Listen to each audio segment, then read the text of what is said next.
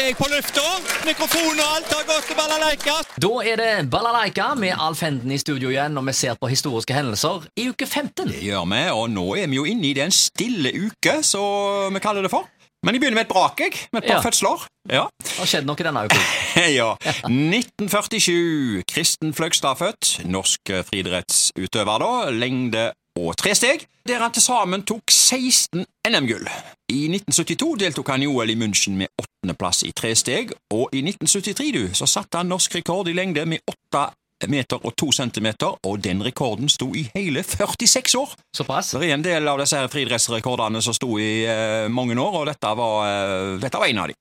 1958 ble Gro Holm født, norsk journalist eh, med utenriks som fagfelt. Eh, Hun har vært korrespondens både, både i Moskva og USA, og har blitt mye benytta som ekspert i NRK-studio ved en rekke anledninger. Hendelser eh, internasjonalt. 1814. Keiser Napoleon avgår og reiser i eksil til Elba. Senere kom han jo tilbake for 100 dager, men det var et mislykka comeback, får vi nesten si. 1961. Bob Dylan du, holder sin første egentlige konsert i New York, etter at han gjennom våren der hadde hatt noe mindre spillejobber.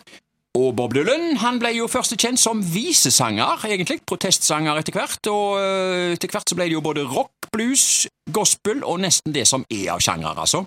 Og så har han jo nærmere 40 studioalbum og over 90 singler på CV-en, og mine personlige favoritter er jo de gode gamle, da, Like a, like a Rolling Stone og Blowing in the Wind. Eh, han, har, eh, han har altså så mye, og han er jo sted, stadig aktive. Ja visst, ja visst. Ja, ja. Hendelser lokalt.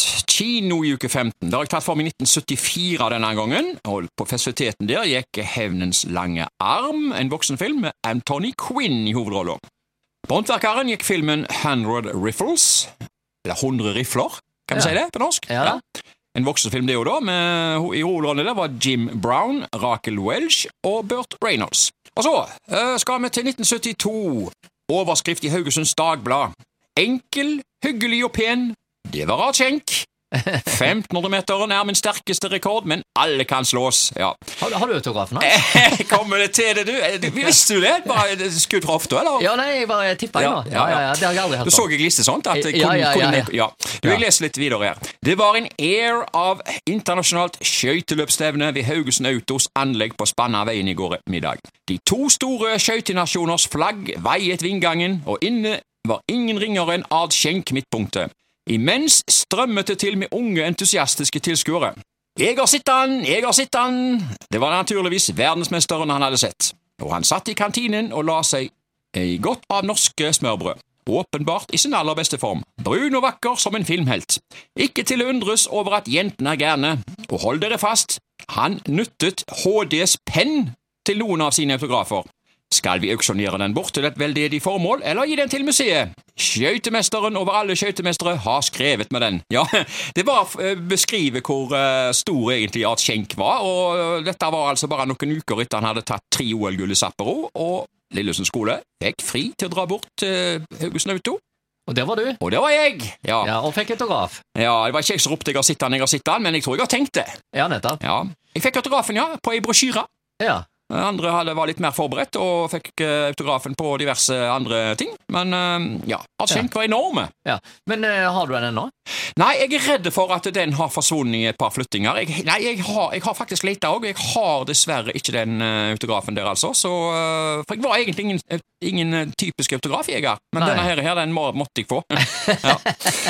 Ble revet med? Ja. Ehm, du, det var sirkus der borte, det må vi kunne si, på Forden, som, som jeg kalte det på folkemunne, og skal fra ett sirkus til et annet. Og Fordhus har jo fått sin renessanse i senere tid i forbindelse med koronavaksinering. Ja, det har han. Definitivt. Og da er det istedenfor eh, kulepenn, eh, så er det da eh, sprøyter. Ja. Ja, uff, ja. Ja, ja, det gikk greit, det òg. Ja, ja. Du, 1994. eh, overskrift i Haugesunds Avis. Aldri mer til Haugesund.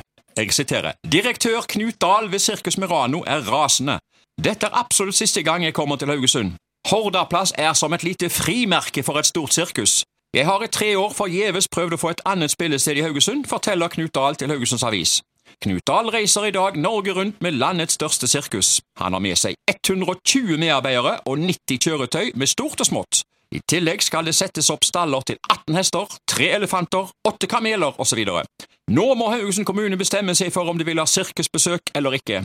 Allerede da jeg kom til byen for første gang med sirkus for 20 år siden, var Hordaplass for liten. I dag er den helt ubrukelig.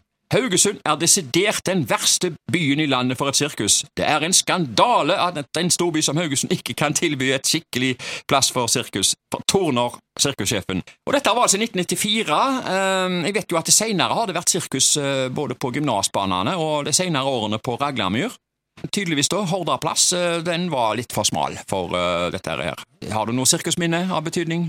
Ja, jeg har sett både klovner og elefanter og litt av hvert opp gjennom årene, vet du. Ja, Ja. Klovner har vi jo sett i andre, pla andre plasser Ja, klovner kan vi se overalt. Overalt.